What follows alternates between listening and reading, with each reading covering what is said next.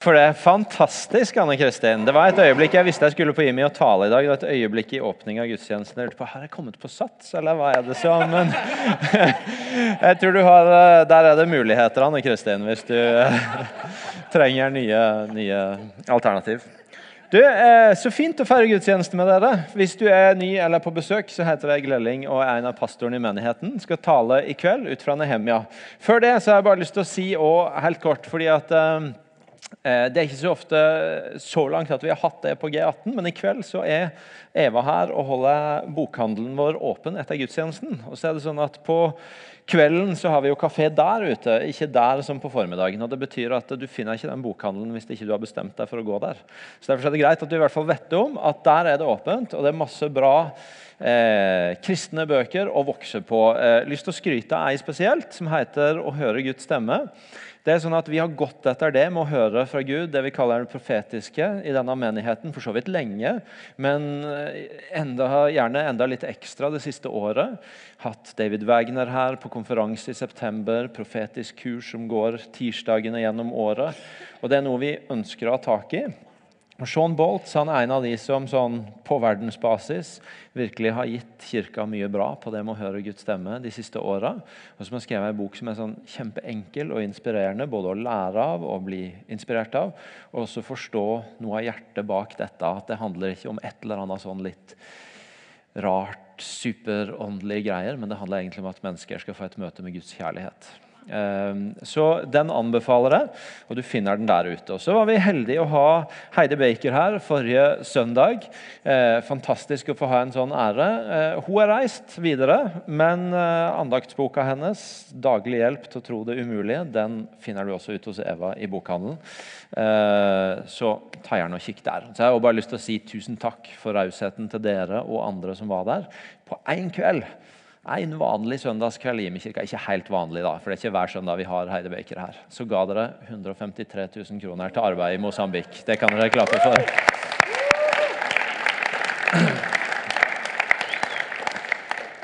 Vi eh, bruker denne høsten på å se på noen Vi har valgt ut fire bøker fra Det gamle testamentet som vi leser sammen som menighet, og som vi forkynner over på søndagene.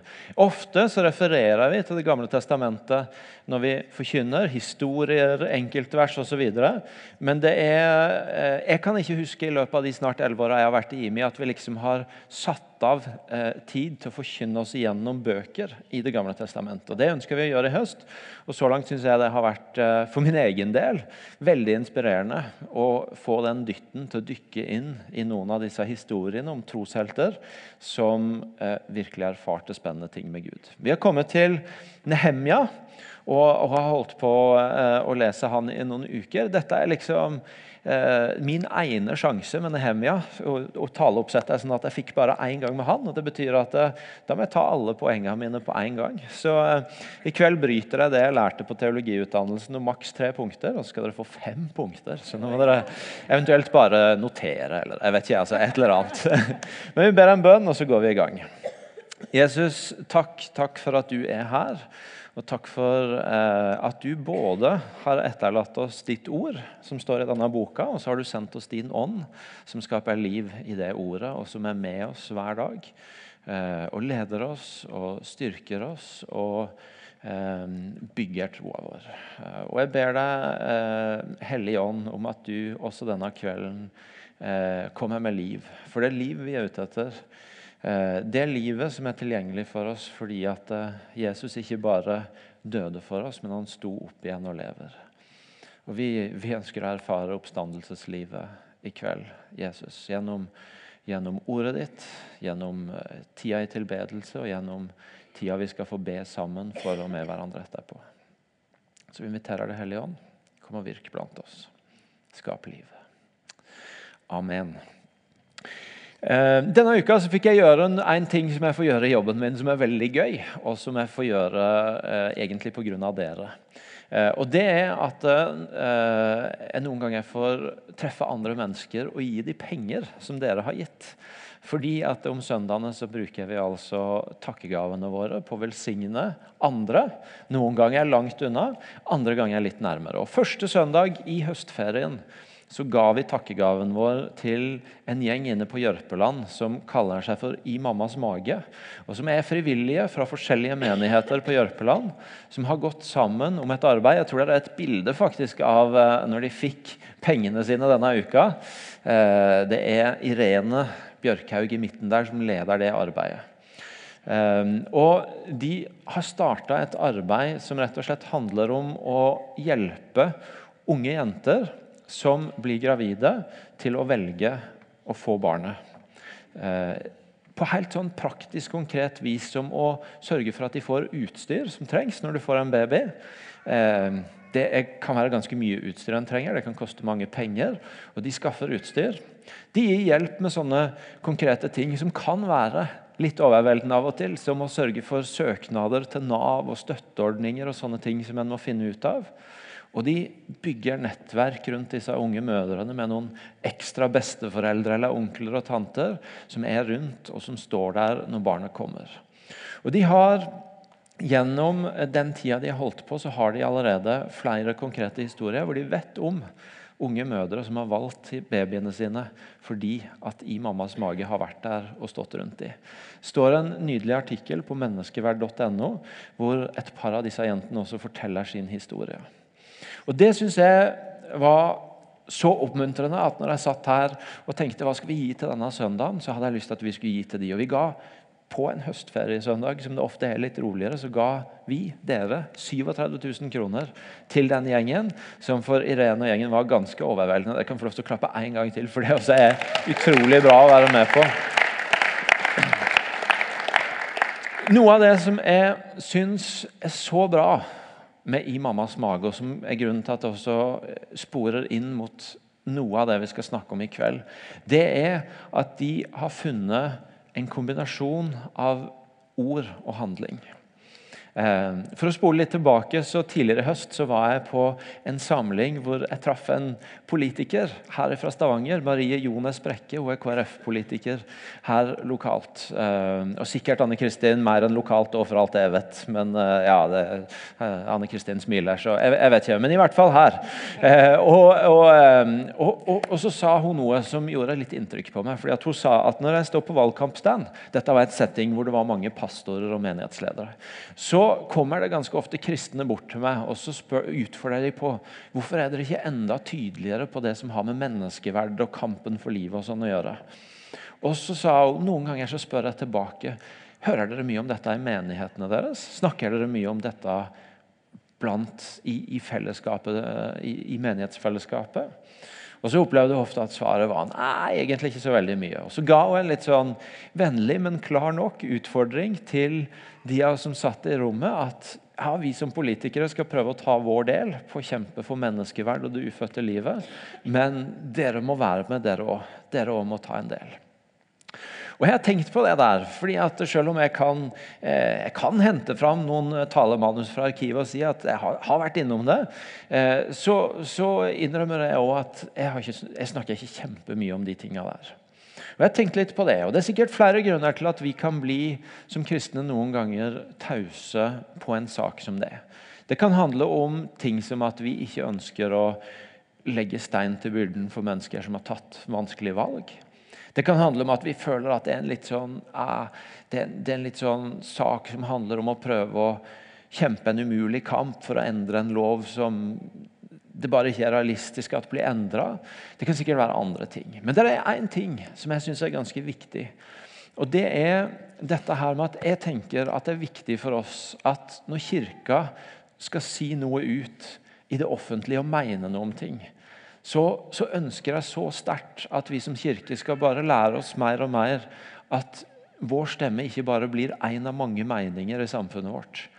Men at når vi har noe å si, så kan vi backe det opp med en handling som peker på en løsning. At vi ikke bare, bare, blir en av mange. Ja, de mener det, og de mener det, og de kirka de mener det. Men at vi faktisk ved det vi gjør, har en troverdighet, en autoritet. Fordi vi også bak de orda så fins det handling og liv som viser at ja, her pekes det mot ei løsning. Og Det er noe av det som gjør meg så begeistra for den gjengen der. det er at oi, Her er det noen som ikke bare mener noe, men når de snakker, så lytter jeg litt ekstra. For de peker faktisk på en løsning som til og med helt konkret har hjulpet mennesker til å velge eh, ufø til velge barnet. Velge å beskytte dette livet som er skapt. Og For oss som kirke så er det jo sånn at når vi har valgt i noen saker å være tydelige ute i offentligheten, så forsøker vi å være eh, eh, bevisste på at da har vi også et eller annet som backer det opp bak, med at vi, vi, vi også har et liv på det. Når vi har sagt en del ut om dette med kampen for de ureturnerbare, eller papirløse, som er et annet ord som Marius brukte i stad, så har vi Arne i menigheten vår som har stått i den kampen og som har handla på det, oppretta en bedrift som, som, utfordrer i forhold til den situasjonen. Og vi har som menighet sjøl valgt å ansette en av hans folk. Jeg har sjøl sittet ute i foajeen der og blitt avhørt av politiet fordi at vi gjør det. Og ikke det at jeg mener det er så veldig heroisk, eller noe, men poenget er bare at vi er, vi, vi er en del av det. Vi har handla på det. Og Da kan vi også på en annen måte snakke om det. Når vi under flyktningkrisa, eh, når strømmen kom fra Syria høsten 2015, og vi valgte å ta til orde og si at vi mener at den rikeste byen i den rikeste landet skal kunne ta imot enda flere enn det var lagt opp til, så kunne vi backe opp det med at mange folk i menigheten hadde sagt at vi er klar til å stille til disposisjon ei leilighet eller noen rom for å huse. Det, ikke, det, var ikke bare en mening, men det var et liv bak det. Det var en handling. Og Sånn kunne en fortsette å se på eksempler, men, men jeg tror bare det er så viktig for oss at særlig i det samfunnet vi lever i nå, og med den posisjonen kristen og kirka har i samfunnet nå, hvor det ikke er selvsagt at alle lytter bare vi taler. Hvor det ikke er sånn at hver gang en skal ha noen til å si noe klokt om noe, så ringer en en prest eller pastor eller biskop eller et eller annet. Så tror jeg det er så viktig for oss å, å søke at når vi sier noe, så blir vi ikke bare en av mange meninger, men vi blir noen som med handling kan vise at vi peker mot en løsning. Og Det er noe av det vi møter hos Nehemja. Vi møter en mann som får høre om en situasjon som, som tar tak i han, som gjør noe med han.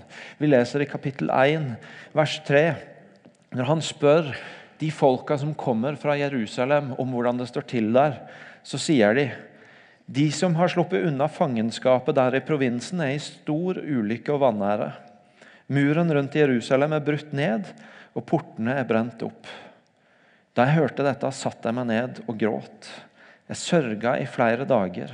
Jeg fasta og ba til himmelens Gud. Nehemia får høre om noe som gjør han ulykkelig, som tar han inn i sorg. Det gjør et inntrykk på han, det gjør noe med han. Men så forteller de neste versene om hvordan det får han til å først gå fram for Gud og be og søke Gud og, og, rope til Gud, be til Gud, minne Gud på den pakten Gud har inngått med israelsfolket, som gjør at han sier du har lovt at hvis vi vender om til deg igjen, så skal du, så skal du gi oss tilbake byen. Og Med det som bakteppe så, så, velger han å gå til sin sjef, kongen, som han er munnskjenk for, og si kan jeg få lov til å reise. Og Så reiser han dit, og så begynner han å inspisere murene og tilstanden. Og så begynner han å samle en gjeng og bygge. Nehemja får ikke et budskap som tar tak i han, og så blir han sittende der langt borte og være en av flere som mener noe om hvor sørgelig det er, det som, det som skjer hjemme i Jerusalem. Og hvor mye bedre det var i gamle dager. Og, og, og, og tenk om det hadde vært noen som hadde gjort noe med det. Men Nehemja lar det gripe fatt i seg, og så ber han til Gud. Og så begynner han på en vandring for å bli en del av løsninga. Og Når jeg og du merker at noe i omgivelsene våre, mennesker rundt oss, situasjoner rundt oss, arbeidsplassen, samfunnet som sådan Når noe av det begynner å ta oss og, og, og, og ta tak i hjertet vårt, så tror jeg det er en viktig ting for oss å ha bevissthet på. Hvilken, hvilken bane jeg er på vei inn i nå? Jeg Er på vei mot å få ei mening, eller er jeg på vei mot å bli en del av ei løsning? Jeg sier ikke at det er galt å ha meninger. Jeg sier ikke at det er sånn at vi ikke trenger noen som kan tre ut i det offentlige rom og, og, og, og være flinke til å formulere meninger og argumentere eh, for viktige verdier. Samtidig som jeg har latt, fått, latt eh, i mammas mage gjøre inntrykk på meg denne høsten, så har jeg lest en som heter Erik Lunde sin bok 'Uønsket', om nettopp menneskeverd. Fantastisk god, velformulert bok om hvor, hvor, stort press menneskeverdet er under på ulike måter i samfunnet vårt. Og Et kjempeeksempel på at vi trenger stemmer som våger å si noe. Men allikevel så er det så viktig for oss å bare stille spørsmålet er på vei mot ei mening eller å bli en del av ei løsning. For oss som menighet, for oss som enkeltmennesker. Hva skjer med oss når noe griper tak i oss? Så Det er det første. Jeg, skal, jeg, jeg hadde mange punkter i dag. Jeg har fem både-og-punkter i dag. og Det første er både ord og handling. Vi, vi, vi lærer noe av Nehemja om å både kunne si noe, men, men, også handle, sånn at det vi mener, peker mot ei løsning. Det neste delen og La meg bare si det. Jeg sier både og. og Jeg har fem både og i dag. fordi det er så ofte at vi ender opp med at vi skal ha litt litt av forskjellige deler. At vi skal finne en sånn balanse midt på. Og så er det så mange ganger at egentlig så ligger livet i å våge både og. I å våge både tydelige ord om hva som er rett, og en tydelig handling som peker en vei. I å våge, som vi ofte snakker om her, både ærlighet på livet og frimodighet på hvem Gud er. Svaret ligger ofte ikke i litt av begge deler, men i å våge begge deler. Og neste både og, det handler om forholdet mellom å ha både en stor visjon og å se viktigheten av de små stega og detaljene på veien dit. I Nehemia 2, vers 17, så sier Nehemia noe som egentlig er en veldig stor visjon. Han, det står, men nå sa jeg til dem, dere ser hvor ille vi har det her. Jerusalem ligger i ruiner, og portene er brent opp. Kom, la oss bygge opp igjen muren rundt Jerusalem, så vi ikke lenger må leve i vanære. Det er en kjempestor visjon for en by som ligger nede, for et folk som er i vanære. La oss bygge det opp igjen. La oss få det tilbake til sånn som det skal være. Nehemia han våger å, ta, å, å si ut en stor drøm, en stor visjon, som har fanga hjertet hans. Og Samtidig så ser vi i verset og kapitler rundt hvordan han holder det sammen med å være villig til alle de små tinga som kreves for å bevege seg mot den store drømmen. Det står i vers 15 om hvordan han eh, eller fra vers 13 og utover om hvordan han drar ut om natta for å inspisere murene på de forskjellige stedene for å se hvordan står det egentlig til. Og Det står i kapittel 3 om hvordan han samler så mange arbeidslag til så mange forskjellige ting som må gjøres. Der er, der er, dører som må fikses, der er bolter som må på plass, der er hull i muren som må tettes, der er murer som må bygges opp igjen. Og Alt dette har Nehemia øye for. Ikke som noe sånn heft på vei mot det store målet, men ut fra en forståelse av at hvis det er visjonen, så er disse små tingene her kjempeviktige. Noen ganger så har vi kanskje en tendens til å snakke som at du har de som har store visjoner, og som drømmer stort. Og så har du de som driver og putler i de små detaljene og ikke tør å tenke så stort. I virkeligheten så er i hvert fall min observasjon at det ganske ofte er sånn at de som har en stor visjon, de ser verdien av de små tinga som er med på å bevege mot den drømmen, mot den visjonen. Og at noen ganger så er de som ikke klarer å se verdien av de øyeblikkene, av hvordan det mennesket ble møtt, av hvordan den situasjonen ble håndtert, av hvordan den muligheten ble grepet. Det er ikke fordi at de er så opptatt av de store tingene at de ikke hadde, hadde på en måte syn for det lille. Men det er egentlig at de mangla visjonen, som, som gjorde at de klarte å se hvor viktig dette var på vei mot det store. Jeg tror det er så lett for oss å lage et sånt falskt skille mellom de visjonære og de, de, konkrete og detaljorienterte og de som holder på med de små tinga, når det egentlig er en utrolig viktig sammenheng. De av oss som er foreldre, når vi kommer hjem etter å ha jobba hardt og stått på for noe vi syns er viktig, og, og barna våre oppleves som et mas og en forstyrrelse, så er det vel egentlig ikke det at vi har oppdaga en visjon som er større og viktigere.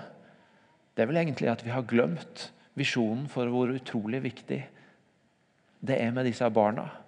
Hvilken drøm vi har for de langt der framme, hvilken relasjon vi ønsker å ha til de når de en gang er voksne. Hva som egentlig kommer til å stå igjen når alt det andre vi holder på med, ikke lenger er en del av hverdagen vår. Og det er relasjonen til de nærmeste som er viktig. Det er ikke det at vi har fått så mye større visjoner som eventuelt setter oss i en sånn posisjon, men det er at vi har mista glimtet av visjonen. I går så to, tok to stykker imot Jesus på alfahelg her i IMI. Det er fantastisk. ja. Og når de veva og teamet av og til en onsdag kan kjenne at å, i dag var det litt tungt å motivere seg for å gå på alfa, de har det sikkert aldri sånn, men la oss tenke oss at de har det sånn. Så kan det selvfølgelig være at de bare er trøtte etter en lang dag eller en lang uke. og Det er lov. Sånn har man det av og til. Men det kan jo òg være at i et lite øyeblikk har mista av syne at det de jobber mot, grunnen til at de møter opp, er nettopp sånne ting som det de fikk oppleve i går. At to mennesker sier 'Å, ta imot Jesus'. Ja, selvfølgelig. Jeg har venta på at dere skulle spørre. Endelig er det min tur. Det er visjonen. Det er ikke det at de har fått noe viktigere å holde på med når en kvir seg litt for å gå, men det er kanskje at en har mista synet av det. Og jeg tenker at Når noen tjenester i denne menigheten fylles opp som bare det, mens Eivind og gjengen av og til må jobbe kjempehardt for å få folk til å sitte på grafikken bak der, så er det ikke fordi at noen tjenester i denne menigheten er viktigere enn andre. Men kanskje er det fordi at vi ikke helt har fått tak i visjonen om hvor utrolig viktig det er for oss at ikke vi samles til gudstjeneste, og så er det én gjeng som kan sangen, og en som ikke kan det, men alle får det, får teksten. At det ikke bare blir en gudstjeneste med masse ord, men med fantastiske ting og, videoer og ting på skjermene. At vi hver uke får tilbakemeldinger fra andre steder i landet om at folk har hørt på eller sett på det de har tatt opp og lagt ut. Og så er det ikke det at det er andre ting i menigheten som er viktigere enn det Preben akkurat nå sitter og gjør, eller eh, Erlend gjorde i formiddag, eller andre gjør. Men det er kanskje at vi andre som er her, trenger å løfte blikket på visjonen for hvor viktig det de gjør, er. Og så må noen andre henge seg på, fordi vi trenger de. Og Så kunne vi fortsatt og gitt eksempler, men det er et forhold mellom både den store visjonen og klare å se betydninga av de konkrete tinga som beveger oss mot det. De står ikke i motsetning til hverandre, men de hører sammen. Det neste det handler om forholdet mellom å be og jobbe. Mellom å be til Gud og søke Gud, og det å stå i en tjeneste. Det står for eksempel, der, der, der er flere punkter av bønn hvor vi ser hvordan Nehemia både ber til Gud, og så går han ut og jobber. Og I kapittel 4, vers 9 så står det men vi ba til vår Gud og satte vakt på murene dag og natt for å holde de borte. Vi ba til Gud og satte vakt på murene dag og natt for å holde de som trua, borte. Og Så står det også i kapittel 4, vers 14, eh, så sier Nehemja eh, til eh, stormenn og resten av folket Tenk på Herren, den store og skremmende, og kjemp for brødre, sønner og døtre, kvinner og hjem. Vi ba til Gud, og vi satte vakter på murene. Tenk på Herren, og kjemp for brødrene og søstrene. Der er et sammenhold mellom tilliten til Gud, som den som til syvende og sist vinner seieren for dem, og bevisstheten om at 'jeg har en rolle å spille i dette'.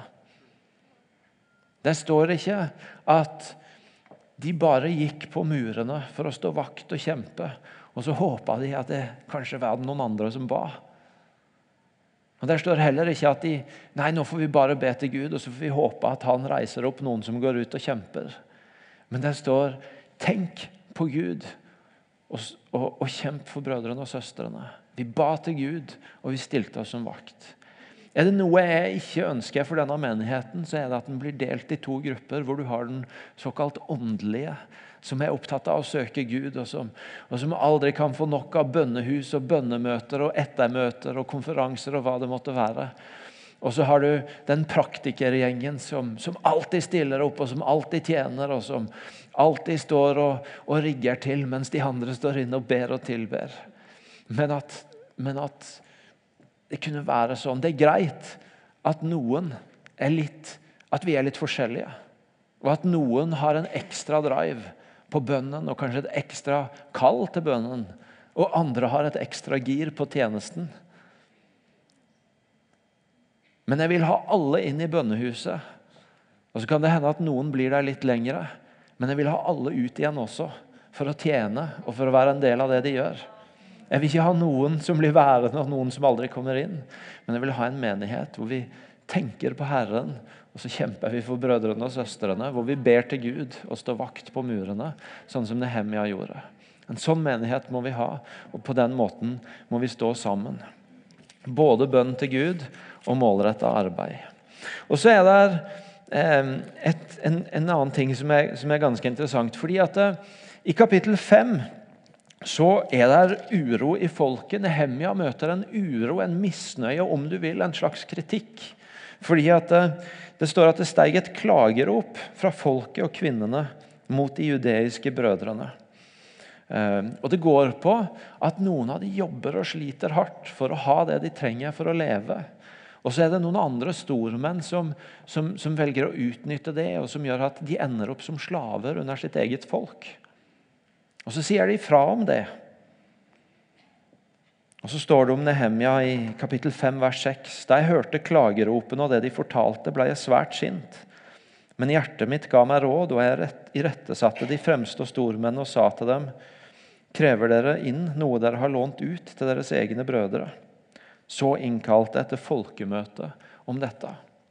Nehemja møter en uro, en misnøye, en, en kritikk i folket, og han responderer på det. Han tar det på alvor, han stopper opp og han, han konfronterer noen av sine som, som, som, han ser gjør en urett. og Så kaller han folket til møte. Og Så sier han dette må vi snakke om, dette må vi ordne opp i. Så han, han lytter til kritikken, han lytter til uroen. Han lar seg justere av det. Og Samtidig, gjennom hele boka, så har Nehemia noen kritikere, noen motstandere, som står han imot. Og som, og som, han bare oppdager at disse vil bare ødelegge. Disse vil meg ikke vel. Disse vil ikke at vi skal lykkes i det oppdraget jeg har fått på hjertet. Og de evner han å bare stå imot. Han, I kapittel 6 er det til og med sånn etter at de har prøvd å, å si imot Nehemia, de har prøvd å skape forvirring i folket, og nå prøver de seg til og med på en slags profeti om at dette kommer kongen til å stoppe.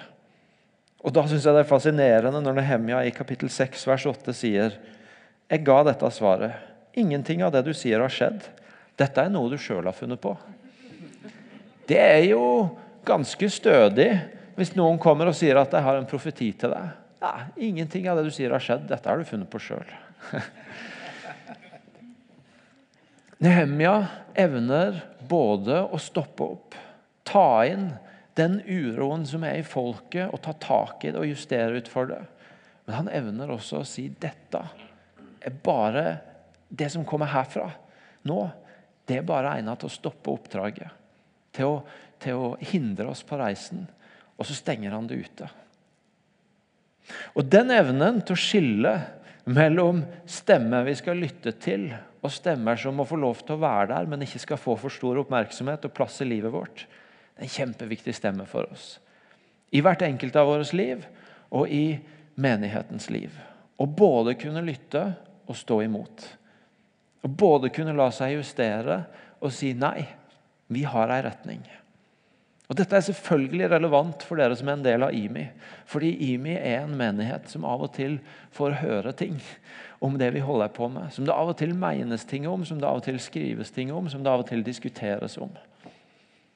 Og På den ene sida er det kjempeviktig for oss å ha en disiplin på at vi, vi ikke er numne mot det. At vi er villige til å lytte til ting som kommer. Og, og tro meg, på lederplan så har vi jevnlig samtaler dette sies. Hva, er det noe i det? Er, det? er det ting her vi må lære av? Men samtidig så har vi også lært at en del av de stemmene de, hvis, hvis vi skulle stoppe opp for alle de, så ville vi ikke vært tro mot oppdraget vårt. Vi ville ikke gjort det Gud hadde kalt oss til å gjøre, hvis alle de stemmene skulle få lov til å tale rett inn i hva vi gjør. Og, for å si det som det er det kommer ikke til å gå over. Dere kommer ikke til å for framtida være en del av en menighet som det aldri er støy rundt. Det kommer til å fortsette. De kommer til å skrive igjen. Det kommer til å være snakk igjen. Dere kommer til å sitte i familieselskapet eller på arbeidsplassen igjen og få spørsmål hva er det egentlig dere driver med der borte. Men det dere må vite, at alltid er lov. Det er alltid lov til å komme og spørre. Det er alltid lov til å komme og si de spør om dette, jeg vet ikke hva jeg skal svare. Eller når de sier det sånn, så blir jeg òg litt urolig. Kan du fortelle meg hvordan dere tenker? Eller når det skjedde, så så kjente jeg ikke godt for det. Kan vi snakke sammen om hva det der er for noe? Hvordan vi skal forstå det? Jeg kan ikke love at det kommer til å gå over, at det kommer til å bli stille, men jeg kan love at du alltid har lov til å spørre. At det alltid er lov til å ta praten.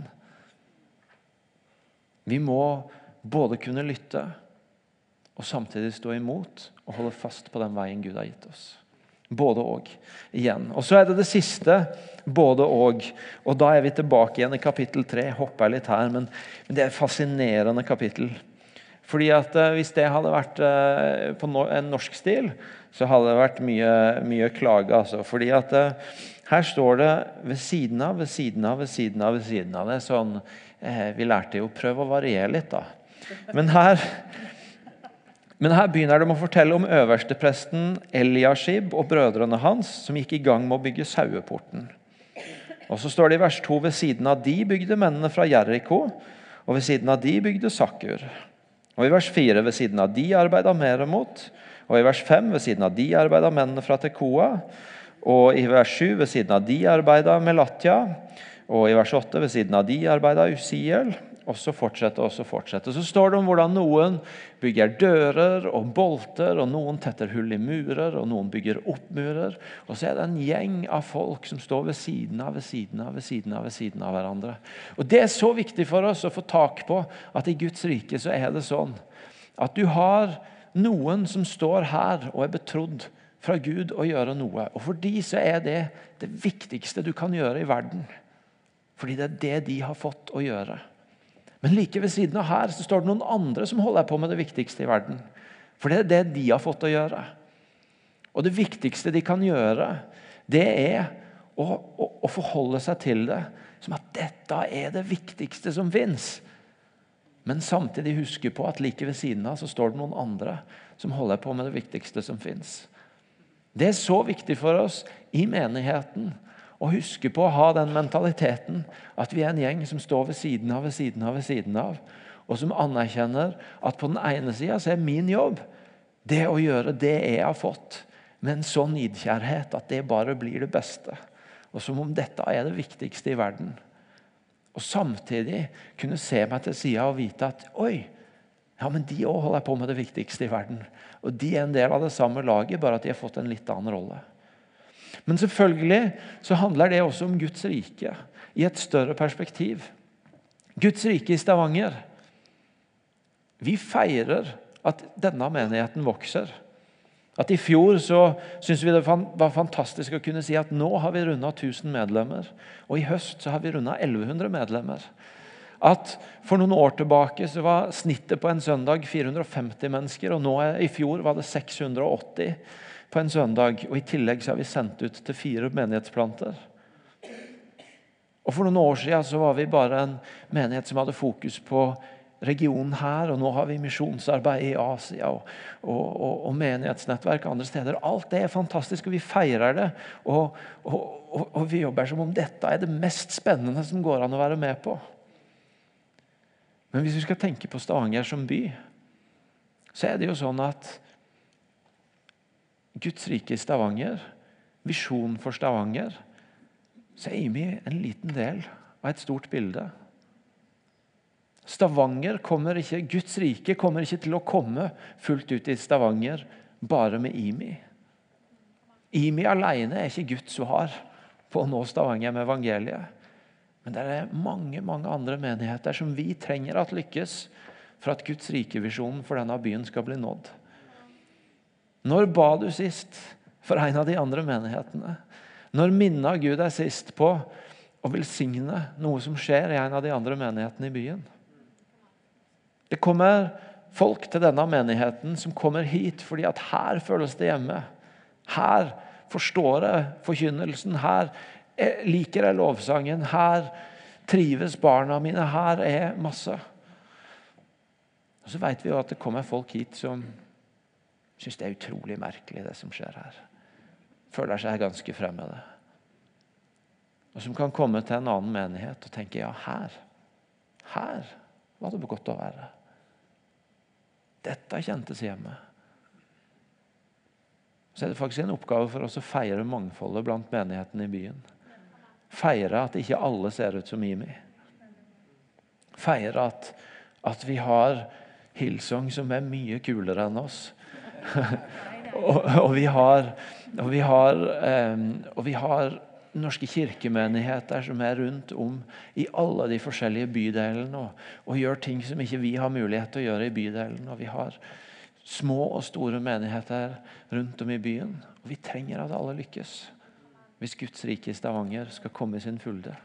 Fylde. Og Vi trenger å ha en mentalitet av at vi er en gjeng som står ved siden av ved siden av, ved siden av, ved siden av hverandre. Og Det innebærer på den ene sida å tenke om det en sjøl har fått enten det er tjenesten i menigheten eller den menigheten en sjøl er en del av, at dette er det viktigste i verden. For det er noe av nidkjærheten i det en sjøl har fått å forvalte. Men samtidig bare ha den bevisstheten på at ved siden av meg så står det noen andre som også har fått det viktigste i verden. Og jeg håper at de òg lykkes. For hvis ikke de gjør det, så kommer ikke oppdraget til å lykkes. Så Det er invitasjonen vi er gitt. Dette er noe av det vi er gitt å være med på. Å være med på å bygge, som Nehemja gjorde. Både i ord og handling. Både med en stor visjon for det vi tror Gud vil for denne menigheten og for denne byen og for dette landet. Og samtidig se viktigheten av de små konkretene som vi må gjøre nå for å bevege oss dit. De tjenestene vi må gå inn i, de tingene vi må forvalte for å bevege oss dit. Det er å gå på knærne for Gud og si at Gud, hvis det skal skje, så må du gjøre det. Og samtidig gå ut og kjempe med det vi har, for at vi skal bevege oss videre. Det er å lytte og lære og si at nei, vi er ikke i mål. Vi har masse å vokse på. Og samtidig tørre å si at nei, jeg hører hva du sier, men, men, akkurat her kan ikke jeg gjøre noe med det, for jeg må være tro, og vi må være tro mot det Gud har kalt oss til. Det å både holde i den menigheten du sjøl er en del av, den tjenesten du har, som det viktigste, og samtidig juble for og be for og heie på alle de andre som står ved siden av og bygger et annet sted på muren. Skal vi reise oss opp og be sammen?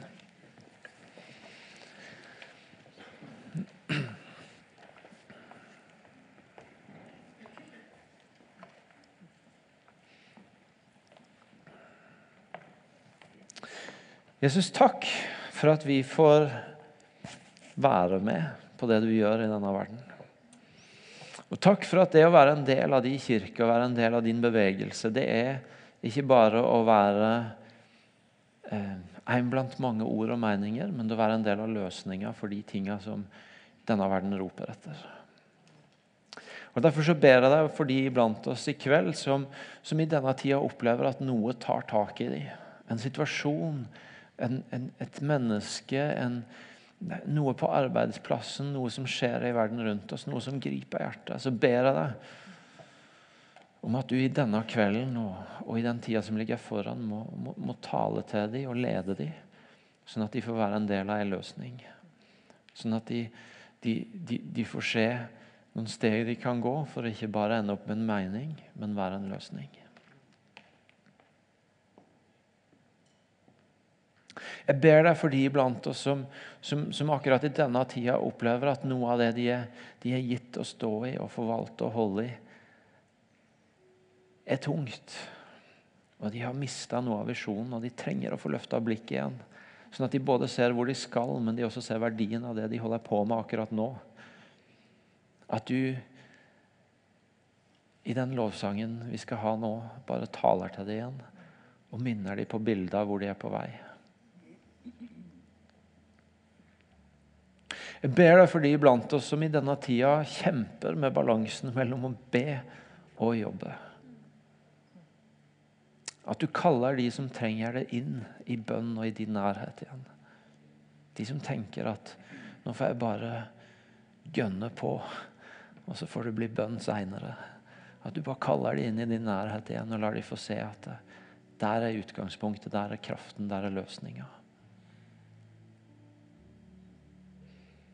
Men jeg ber deg òg for de som, som har landa i bønnen og, og, søker du, men som, men som trenger et lite dytt ut til å gå på det de ber over. Til å handle på noe av det du viser. At de også denne kvelden får, får det dyttet fra du, Hellige Ånd, til å gå på det. Til å handle. Jeg ber deg for de iblant oss i kveld som som i denne tida jobber med hvilke stemmer de skal høre på og ikke. Det er ingen steder som er bedre til, til, å skille det enn i din nærhet, Jesus. Derfor så ber jeg deg om at dette blir en stund hvor, hvor, hvor de får skille mellom stemmene som skal få plass, og stemmene som skal stenges ute. At de får hjelp til å skille mellom det som er til hjelp, og det som er til forstyrrelse.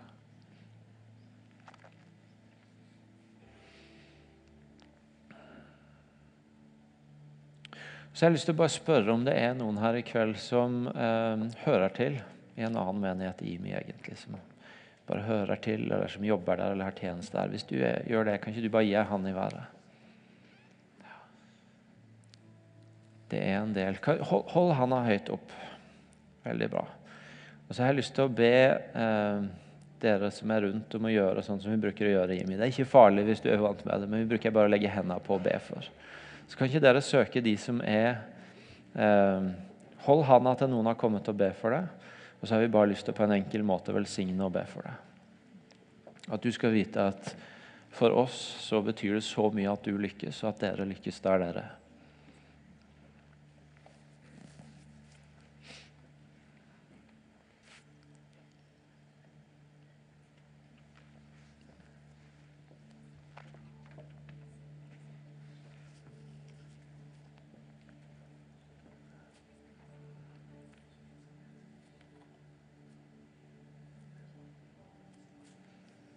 Så er det ikke alle som har noen de legger hendene på.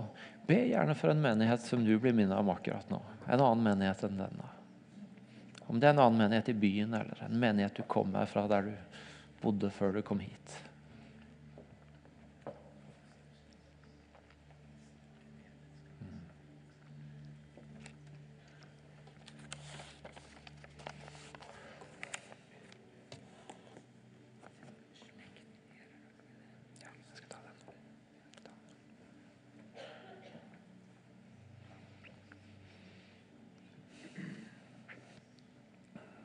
Far, vi ber deg for brødre og søstre fra andre menigheter.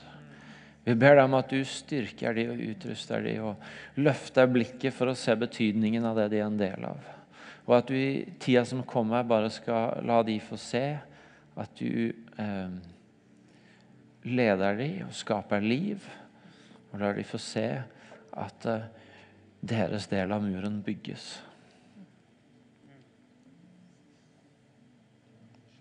Jeg ber deg for pastor og leder i disse menighetene om kraft og om klarsyn og visjon.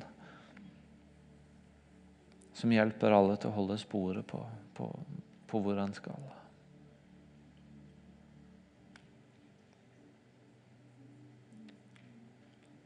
Jeg ber deg særlig for de som akkurat nå opplever at det er tungt.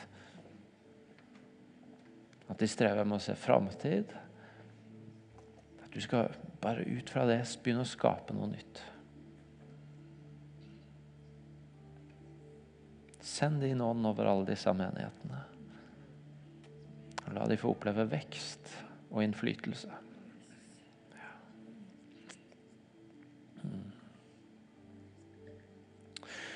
Skal vi også forhandle på dette eh, med én konkret ting? Eh, dere trodde kanskje vi hadde glemt takkegaven denne søndagen, men det har vi ikke. Eh, vi kunne sikkert valgt mye, men jeg har snakka om å stå ved siden av, ved siden av, ved siden av. En av menighetene vi står ved siden av i denne byen, det er Pionerkirka. Som for noen år tilbake starta en kafé som heter Bluebird, som Marius snakka om og som er en sånn fantastisk møteplass midt i byen vår. Som på den ene siden er en møteplass hvor du har en gjeng kristne som driver et sted som så mange forskjellige av byens folk er innom, men som også har en spesiell rolle som en rusfri sone for mange folk som er innom arbeidet til Kirkens Bymisjon. De har på den ene siden blitt kåra til å lage byens beste kaffe. Og Samtidig så er de en møteplass, og, eh, og de eh, Eh, og de er som jeg sier, en rusfri sone for mange mennesker som lever under en utfordrende virkelighet. De har kjempa hardt blant alle de forskjellige aktørene i byen for å, for å, finne en god drift på det, og nå er de der at de driver bra.